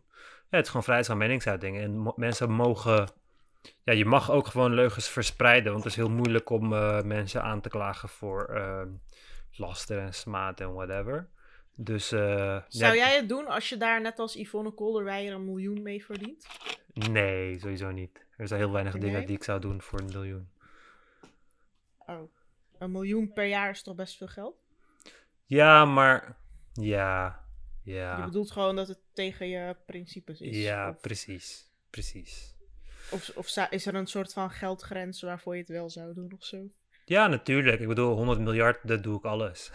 maar, maar een miljoen is vrij weinig. Uh, het is vrij weinig geld om je. Per jaar is het niet weinig. Nou, jawel. Nee, maar om je. Nee, ik zeg het niet. Ja, maar om je, om al je moraal en zo. Heet het mo mo oh, moraal? Om, om, het allemaal uh, overboord te gooien, vind ik een miljoen uh, per jaar wel vrij weinig. Dus uh, ja, en er zijn zat mensen hoor. Ik bedoel, ik, ik, ik ken uh, rijke mensen, of ja, ken. Er zijn rijke mensen op het internet die aanboden van 2 miljoen per maand afslaan. Omdat ze iets moeten promoten waar ze het niet mee eens zijn, zoals online gokken of whatever. Dus ja, ja. Sommige mensen hebben gewoon hun, hun boundaries en dat ja, soort dingen. Ik zeg ook heel eerlijk, ik zou het voor geen enkel bedrag kunnen doen. Het zou mij zoveel ik zou ten eerste veel te veel schamen voor alles wat ik moet brengen. Ik zou, veel, ik zou gewoon niet kunnen slapen doordat ik, weet ik veel, iemands huwelijk kapot maak. Ja. Of kinderen zonder ouders laten opgroeien of weet ik veel wat. Dat heeft zoveel consequenties. En als je gewoon uh, bedreigingen en zo krijgt, of oké, de bedreigingen, ja, dat krijg ik ook. Dus dat is niet eens. ja. Dat krijgt iedereen tegenwoordig. Maar ja, ik weet niet. Pff, ik zou het gewoon veel te zwaar vinden. Ja, ja dus, ik, uh, geef, ik geef niet zo erg veel om uh, grote hoeveelheden geld. Tenzij het miljarden zijn. maar voor de rest hoef je niet uh, tegen me Ik heb ooit, heb ik nee gezegd tegen... heb je die lichtgevende goudvissen van mij ooit gezien? Ja, ja moet je laten zien. Ja, ja dus ooit, er is zo'n Japanse zakenman, miljonair. Ja, hij woont in Amsterdam, Utah heet hij. Fat en Ramen is van hem. Maar hij heeft me een vrij groot eh, geldbedrag geboden om dat met kooikarpers te doen. Zodat je lichtgevende kooikarpers hebt, zeg maar. En daar zou je echt miljoenen aan kunnen verdienen. Maar zelfs tegen dat zei ik nee. Van, ja, ik deed niet voor de mooi of zo. Ik deed omdat er een soort van vraagstuk achter zat. Maar om uh, vissen licht te laten geven alleen omdat ze mooi zijn, zodat je een biljoen eraan, eraan kan verdienen. Ja, zelfs dat vond ik een beetje te gek. Dus ja, ik kan vrij makkelijk nee zeggen tegen geld. Dat is uh, een weakness. Maar... maar als je dat wel had gedaan, hoefden we niet nu te zeggen dat je ons kan steunen bij ik ga leven.backme.com. Nee, maar als ik dat wel had gedaan, dan zat ik ook vast aan een contract waarbij ik een aantal jaren aan dat probleem zou moeten werken. En vastzitten aan, aan een stuk papier die jou vertelt dat je ergens aan moet werken, dat gaat niet zo goed met mijn brein die elke drie maanden aan een ander project wil zitten, zeg maar. ja, misschien ook uh, door je ADHD dat je snel dingen zat bent. Zo. Ja, ik heb, ik heb eerdere bedrijven gestart. Ik, ik bedoel, ik heb mijn eerste. Ik heb, ik heb op 20 jaar geleefd, dat heb ik drie ton opgehaald voor mijn eerste bedrijf. Eh, ik weet hoe dat mhm. is. Ik weet hoe die hele wereldje is. En het is echt niet iets uh, dat, me, dat me interesseert. Het, ja. En geld is echt heel erg overrated. Echt heel erg overrated. In de vorige aflevering die we hebben weggegooid, hadden we het over die vrouwelijke oplichter in Amerika. Die zei dat ze een machine had waarmee je met één druppel bloed 200 ziektes kon uh, tracken. Ja, Elizabeth maar dat het een ja, en dat het een uh, oplichter was en dat ze nu de gevangenis ingaat, maar dat ze wel miljarden heeft opgehaald. Mm bij dat soort dingen vraag ik me altijd af, moeten ze het terugbetalen of mogen ze het houden? Want dat is nogal een verschil. Nee, je geld kan gewoon kwijt zijn, zeg maar. Het is niet dat je het mag houden. Alle geld waar hun achter kunnen komen, dus er worden bankrekeningen en, en dingen die op jouw naam staan, huizen, auto's, uh, mortgages, alles wordt in beslag genomen. Maar het is heel makkelijk om geld te doen verdwijnen. En ja, dat is wat het gros van de mensen uh, doen. Weet je, je laat het gewoon verdwijnen op een account die niet op jouw naam staat. En uh, die ook niet op een. Want ze checken, zeg maar, directe familieleden en dat soort dingen. Ze checken best wel breed. Maar ja, het is heel makkelijk om uh, geld op allerlei eilanden over de hele wereld te doen verdwijnen. En uh, ja, kijk, boven de 50 ehm, miljoen of zo maakt het helemaal niet uit. Want je gaat niet je leven lang vastzitten. Er is geen doodstraf op, op geen van die dingen. Dus je gaat mm in een land als Nederland vooral, weet je. Ik bedoel, ja, na een bepaald uh, bedrag maakt het echt niet uit. Wat ga je mak zitten? 15 jaar? 15 jaar is prima om te doen als je 50 miljoen hebt wanneer je eruit komt. Weet je? Genoeg, genoeg mensen die daar ja tegen zouden zeggen. Nou, dus, 15 uh, jaar is wel echt kapot lang, hè? Ja, maar als, er, als er verder in jouw leven geen inzicht is om... Kijk, mensen onderschatten dat. Ik ken mensen die, um, die heroïne hebben gesmokkeld naar Dubai... waar uh, de doodstraf op hun lichaam... Hè, er, er zit daar de doodstraf op letterlijk als je daarmee wordt mhm. gepakt, voor 5000 euro. Voor 5000 euro, ja. Ja, voor 5000 euro. Dat is letterlijk als je, als je gewoon een minimumloonbaantje zou nemen, is dat drie maanden werken. Gewoon drie maanden werken is dat, weet je. Maar ja... Ja, die moordenaar van Peter R. de Vries had ook zo'n klein bedrag dat ik echt dacht van, hè? Mm, precies. Dat was echt like 20k of zo, zoiets. Kijk, als je, als je iets, als je, als je zeg maar, je bent naar school gegaan, je hebt een diploma, je hebt, je hebt een impressive cv of zo, waarbij je weet van, het maakt niet uit waar ik ben op de wereld, als ik ergens aanneem, is dit het minimale bedrag wat ik ga verdienen. Weet je, dan heb je, dat is al iets wat de meeste mensen niet hebben. En als jij ergens vandaan komt waar je dat niet hebt, dus het enige wat jij kan worden is gewoon een instapbaantje met dat flutloontje. Dan zijn al die dingen opeens heel erg interessant. En daar droomt iedereen over. Ik bedoel, elke straatjochie droomt van dat snelle, makkelijke geld. Maar uh, ja. ja, uiteindelijk werkt het uh, bijna nooit. Ja, ik vraag me altijd af waarom het. Waarom wil je snel en makkelijk, zeg maar wat is er mis met gewoon werken voor een ja, Weet je wat het ergste is dat er gebeurt? Het allerergste dat er gebeurt wanneer je op een jonge leeftijd veel, veel geld uh, verdient, is dat je vergeet de waarde van geld.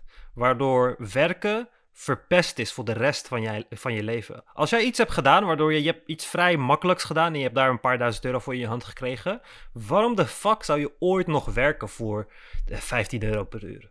Waarom? Mhm. Weet je, al die motivatie om ooit nog te werken wordt uit je gezogen. Vooral als het op jonge leeftijd gebeurt. En dat is de grootste, de, de grootste fout. Ik heb, ik heb me daar echt moeten over. Ik heb daar echt moeten overzetten, weet je. Want ik, ik maakte websites vanaf mijn vijftiende. En ik verdiende daar echt vrij goed geld mee. En ja, wanneer je dan uh, daarmee gestopt bent en je moet een normaal baantje nemen of whatever. Dan denk je wel van wow, dit, uh, dit gaat me echt veel te langzaam, weet je. Maar. Uh, ja, uiteindelijk uh, zijn heel veel mensen daardoor verpest. Dus dan word je gepakt, dan ga je de gevangenis in en dan ga je, weet je, via de reclassering ga je uh, ergens werken of zo bij een Mackie of whatever. En dan hou je dat drie maanden vol en dan denk je van nee, waarom heb ik het net drie maanden gewerkt voor wat? Voor 3000 euro? Nou, als ik dit had gedaan, dan had ik even 10.000 euro en dat duurt maar twee dagen. Weet je? Dus uh, het verpest je gewoon voor de rest van je leven. En daarom zou ik het tegen niemand aanraden om uh, ook maar een voet te zetten binnen die industrie, zeg maar. Mhm. Dus ja. ja. Hetgene wat ik uh, op ging zoeken op mijn Instagram om het erover te hebben, is dat ik uh, een paar dagen geleden een etentje had. Nou, uh, kort gezegd, ik doe mee aan een tv-programma. Ik mag er verder niks over zeggen. Maar ik had een etentje met de mensen die ook aan dat programma meedoen. En één daarvan is Zeynep Da. En zij is een Turkse schoenenontwerper die heel famous is blijkbaar. Ze vertelde dat ze de schoenen maakt van Beyoncé en Rihanna en zo. Oh, Wat ja. ik trouwens raar vind, want op Instagram heeft ze maar 12.000 volgers. Dus Nee, ze, ze maakt, kijk, ze zegt dat ze de schoenen van die mensen maakt, maar waarschijnlijk hebben die, die beide dames één keer haar schoen aangehad, zeg maar. Dus that, that's it. En dat, dat is gewoon prima mogelijk. Want ik bedoel, Beyoncé en Rihanna of whatever, ze hebben allemaal duizenden schoenen aangehad. want ze hebben elke dag andere schoenen aan. En, uh, ja, maar dat is toch echt wel iets hoor. Als jij als Turkse Nederlander ja, schoenenontwerper bent. Het is wel een in. Uh, ze woont in Eindhoven of zo. Uh, en dan wordt ze ineens door de management van Rihanna van wij willen de mommy to be schoenen van jou uh, ja. overnemen. Ja, nee. Ja, dat is ik, gewoon... zou, um... ik zou het niet van haar willen wegnemen of zo. Het is nog steeds wel een achievement. Maar ik bedoel te zeggen van, weet je, er zijn duizenden vrouwen wiens schoenen zij aan hebben gehad. Dus het hoeft ook niet per se dat ze, ja. dat ze honderdduizend uh, followers heeft of zo. Ja, precies. Maar zij is dus blijkbaar gewoon echt uh, miljonair, weet ik veel wat. En ze reist de hele wereld over en zo. En dat op 32-jarige leeftijd. Was best wel, ja, was best wel inspirerend etentje. Uh, en ook allemaal andere hele aardige vrouwen. Maar ze vertelde dus dat ze ja, echt uh, daten heeft opgegeven en zo. Omdat ze dus altijd mannen tegenkomt die om haar geld met haar gaan. En daar komt ze zeg maar elke keer weer achter. Uh, die haar alles laten betalen. Of die zeggen, of die juist, weet ik veel, iets van haar vragen van haar bedrijf of weet ik veel wat. Ja. Dat vond ik best wel uh, sneu. Dat, dat dat een soort blok aan je been is. Dat je zeg maar zoveel geld hebt. Mm. Dat je daardoor nooit meer kan weten van oké, okay, wie is er oprecht en wie is door het geld bij mij. Ja. Dat, uh, ja, dat, uh, ik had wel met haar te doen. En uh, ik kon me goed in haar verplaatsen. En verder heel aardig, heel aardige vrouw. Maak jij wel eens zorgen dat Tim bij jou is om je geld? nou, ten eerste... Nee, totaal niet. Nee. Maar dat, ik zou dat ook aan niks kunnen merken of zo. Ja, nee. En- nee. Maar jij zit ook nog niet op dat kaliber, weet je. Het is niet alsof je Ja, precies, zijn le- leven gaat zeggen. veranderen van... Hier schat je een Bugatti voor je verjaardag. ja, precies. Dat kun je bij ons gewoon niet zeggen, want eh, ik ben geen boef die een eh, Mercedes haalt voor Selma of zo. ja, ja, Weet ja, je wel? ja. Bij, want bij haar was het ook eh, die roddels, weet je wel, van eh, ja, ze is alleen voor het geld bij hem en zo. Maar ja, dat wordt heel vaak over je gezegd als je met een eh, bekend iemand gaat en zo. Maar ja, ik ben totaal niet op dat level. Ja. Dus eh, ja, ik moet gewoon nog eh, heel hard werken om rond te komen. Dus ja, klopt. nee, dat, die twijfels heb ik niet. maar ik denk dat als ik in haar positie was, dat ik wel ook dat soort dingen zou tegenkomen. Ja, het is, het is vooral als je naar de buitenwereld leeft hoe rijk je bent, dan eh, Ja. krijg je dat soort eh, problemen voornamelijk, zeg maar. Maar eh, het maakt niet uit hoeveel geld je hebt, je moet altijd een beetje, ehm, ja, je, je moet er niet mee rondpronken, zeg maar. Ja, eh, trek je het verkeerde publiek aan. ja, precies. Hé, hey, maar ehm, we zijn alweer op anderhalf uur, zie ik, joh. Pff, tijd gaat echt eh, snel. We gaan mor- morgen ook weer opnemen, dus eh, ik hou het hierbij. Ja, En ehm, ja, bedankt voor al je uitleg en Ja. zie je snel weer. Yes. Vergeet ons niet te steunen op uh, ikgaleven.backme.org. En uh, de, de, de donateurs van vorige maand, die hebben al mijn, uh, mijn naaktkalender ontvangen. Dus als jij ook een naaktkalender wilt ontvangen, dan uh, kun je ons steunen voor 500 euro, 5 euro per maand. Jouw naaktkalender? Ja, heb je daar helemaal niks van gehoord? Nee. Ja, ik heb een naaktkalender gemaakt en... nee, maak maar een grapje. Oh. Jezus. Kijk, Tim zou nu zeggen, kijk, jij bent echt een autist. Alles letterlijk. Weet je hoe vaak ik dat hoor? Maar als er vraag naar is, dan wil ik wel een uh, naakkalender maken voor jullie. Het is wel grappig, dan, dan hou ik zo moeshoe en dan bedek ik mijn dik zo met moeshoe. Oh nee, dat is wel heel, dat is heel homoerotisch. Ja, je kan bij Kruidvat kalender bestellen met foto's. Als je gewoon een paar naaktfoto's van jezelf maakt. Nee, nee, nee, dat gaan we niet doen. en opstuurt naar mensen. Ja, ik zat dus te denken van, wat, wat kunnen we met de leden doen en zo. Van, wat kunnen we dan eens opsturen? Maar ik heb nog geen goede, goede ideeën. Ik heb zaadjes van een genetisch gemodificeerde tabaksplant die, uh, die groen gloeit als je er UV-licht op uh, schijnt. Dus daar zitten de gen van een kwal in. Dus als mensen biologische, genetisch gemodificeerde zaadjes willen. misschien. Ik ben ooit gevraagd voor Playboy. Echt? Playboy-foto, ja. Ik zal dat gewoon doen, denk ik. Echt? Ja, als, ja. Je wilt niet een naaktkalender maken, maar je wilt wel in de Playboy Ja, prof, professioneel zou ik het wel doen. Ik ga niet mijn eigen foto's schieten of zo. Maar zou ik wel eerst echt moeten trainen en zo. En naar mijn eerdere zelf terugkeren. Maar uh, ja, zou ik het in een Tarzan-thema willen doen? En wat, wat hoop je daarmee te bereiken? Uh, niks, maar het lijkt me wel gewoon vet. Ik dat het gewoon, weet je wat het is? Als mensen je gewoon helemaal naakt hebben gezien, is het gewoon klaar. Dat is gewoon van, ja. is het gewoon klaar? Ja. Dan heb je het gemaakt. Is gewoon, nee, het is niet, het is, het, is, het is echt zo van alle vorm van, omdat je jezelf gewoon helemaal blootgeeft, is alle vorm van, uh, ja, schaamte of, uh, ja, niet eens schaamte, maar gewoon vulnerability is gewoon gelijk weg of zo. Weet je, dat je denkt van, ja. ja. Maar ja, ik kan het wel doen, maar denk je dat ik dan ooit nog één familielid spreek, inclusief mijn, inclusief mijn broertje, weet ik veel wat? Nee, nee, Ik, denk ook, ik denk ook niet dat jij het zou moeten doen. Maar ik, ik, zou, ik zou het wel doen. Oh, dat zou echt grappig zijn. Het zou echt grappig zijn. Maar ja. ja. Maar ik ben ook gevraagd voor een ander tv-programma. Ik weet niet of ik het mag noemen, maar dat, dat is ook is er zoiets. En ja, dat heb ik ook niet gedaan. Moest je daarin ook naakt zijn? Nee, maar daarin moet je daten. Oh, dus je weet al. Oh, ja. je weet al welke ik dan moet Ja, ja, maar ja. dat zou ik ook nooit kunnen doen. Krijg ik uh, heel mijn familie achter me aan. ja, ik denk... Uh, maar is de enige reden dat je het niet zou doen je familie? Ja, want dat maakt mij. Ja, maar dan zou, ik het, dan zou ik het juist doen.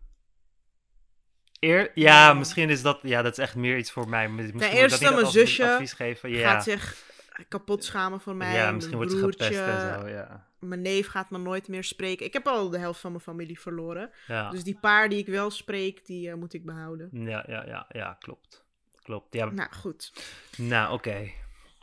Ik spreek jou morgen weer. Ja, tot de volgende keer. Doei doei.